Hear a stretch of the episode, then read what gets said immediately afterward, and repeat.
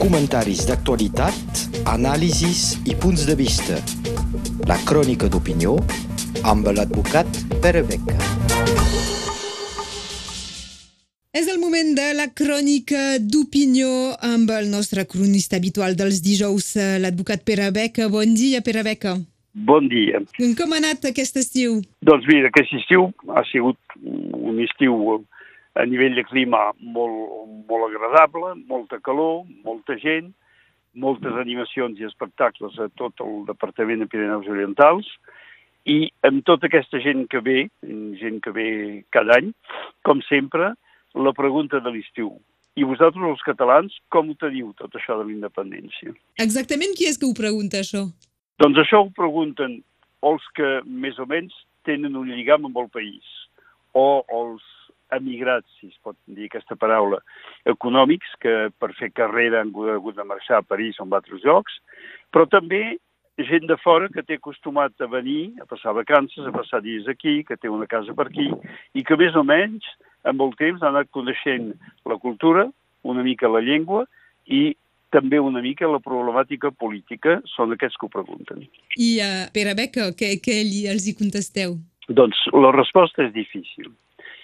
Tothom sap més o menys eh, l'o dels presos polítics, l'o del Puigdemont i dels exiliats polítics, però més enllà d'això que era l'aspecte dramàtic i que podia ser un element mobilitzador per l'opinió de la gent, veiem que en aquests moments la cosa va bastant fluixa.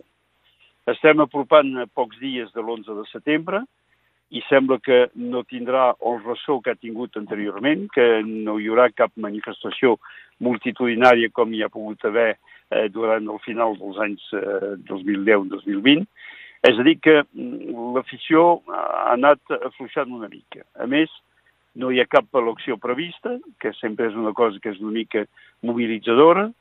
Un govern de la Generalitat que sembla tímid o per lo menys eh, afeinat amb els altres, les altres coses quotidianes i una manera de fer del govern central de Madrid, el Pedro Sánchez, amb una certa habilitat, que, eh, aprofitant el joc dels partits, té per conseqüència de posar en dolentes condicions el moviment independentista. Ho acabem de veure amb el tema de la Laura Borràs, que per joc de partits i per voluntats purament polítiques ha sigut exclosa de la seva presidència del Parlament de Catalunya, llavors que era una independentista fervent. I, per tant, mm, una mica de dificultat d'explicar senzillament a la gent com tot això va funcionant i com podrà funcionar més endavant. A partir d'aquest constat, eh, quina, quines són doncs, les perspectives? Doncs perspectives amb moltes preguntes. Potser, potser, la solució, o almenys la manera de rellençar la cosa, vindrà des de fora. L'antic primer ministre d'Escòcia, Salmond, ha vingut a la Universitat Catalana d'Estiu. Per tant, el referèndum escocès va fracassar més finalment que el referèndum català, perquè era un referèndum pactat que es va perdre per 55 a 45, 55 a favor del no, més clarament que el referèndum català, que es va guanyar, encara que fossin en condicions una mica rares. I la nova primer ministra d'Escòcia, Nicolas Sturgeon, que ha pres el relleu, té eh, aquesta idea nacionalista, aquesta idea independentista, però em sembla que li falten les ocasions de poder tirar les coses endavant, ja que el govern anglès ha explicat clarament que un nou referèndum no en volia sentir parlar. I a nosaltres potser ens falten aquestes personalitats com Salmon Sargent, és a dir, personalitats polítiques carismàtiques, com en temps enrere va poder, pogut ser el senyor Pujol o el mateix Puigdemont. Ara en Puigdemont queda una mica tancat a Bèlgica, tancat al Parlament Europeu, i es veu que té dificultats a, a poder tenir un nivell de representació europeu que sigui suficient, que pugui parlar com un cap d'estat. Per tant, Escòcia es veu que a nivell popular segueix aquesta idea d'independència. I tanmateix hi ha un altre punt europeu que té la seva importància, encara que les condicions siguin molt diferents, és el tema d'Irlanda.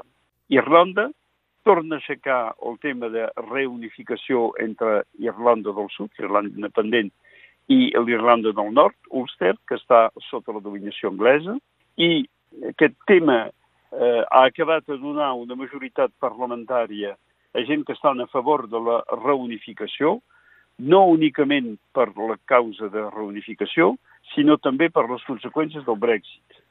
La voluntat del poble irlandès de ser unificat, però sobretot d'estar a nivell europeu representat normalment.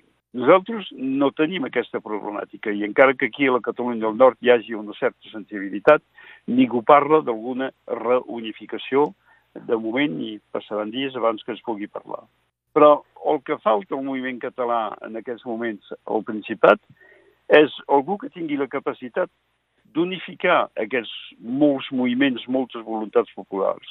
Però les dificultats actuals, polítiques, econòmiques, de crisi sanitària fan que el govern de Catalunya no pot i que eh, cada iniciativa queda bloquejada per, la problemàtica de partits. Per tant, creiem que el, el rellançament d'aquest moviment, encara si no pot ser immediatament, depèn molt de circumstàncies exteriors. Potser de les eleccions espanyoles, potser d'un moviment europeu, potser d'algun fet que pugui sorgir en qualsevol moment i que pugui ser el factor de reaixecament d'aquest moviment. Però per ara, la resposta que es pot donar a tots els que ens ho demanen, estem a mig camí d'alguna cosa, però aquest mig camí ens costa sortir-ne. Esperem que les setmanes endavant ens donaran més ocasions de poder rellençar aquest moviment. Segur que sí. Gràcies per aquesta crònica, Pere Beca. Molt bé, fins a la setmana entrant. Adéu, bon dia. Comentaris d'actualitat, anàlisis i punts de vista. La crònica d'opinió amb l'advocat Pere Beca.